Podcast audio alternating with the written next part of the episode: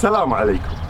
المؤمنون العقلاء مهما عملوا من الأعمال الصالحة يعلمون أنهم مذنبون جدا.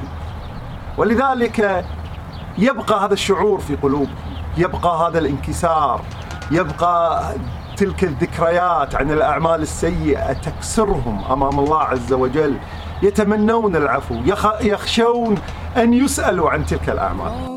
الذي خلقكم من ضعف. الأعمال الصالحة هي التي تجعلنا نطمئن قليلا أن هناك من يجبر ضرر سوء أفعالنا أو يجبر سوء تصرفاتنا أو قلة تهذيبنا مع الله عز وجل.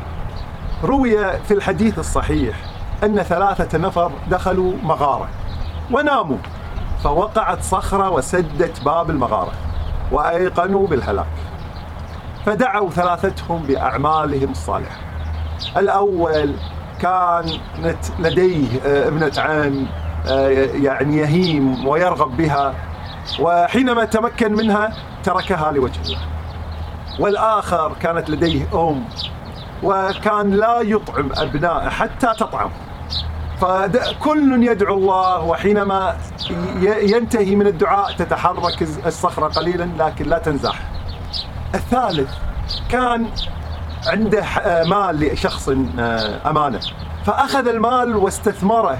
فلما أتى صاحب الأمانة قال انظر لهذا الجبل وهو مليء بالأغنام. قال كل تلك الأغنام هي لك. فأخذها ولم يعطيه جزاء فكان هذا سبب انفراجة هؤلاء الثلاثة أيها الناس أنتم الفقراء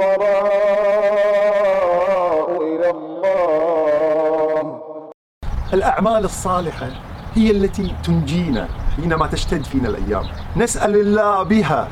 نتوسل الله عز وجل. فتبقى أعمالنا الصالحة تشفع لنا.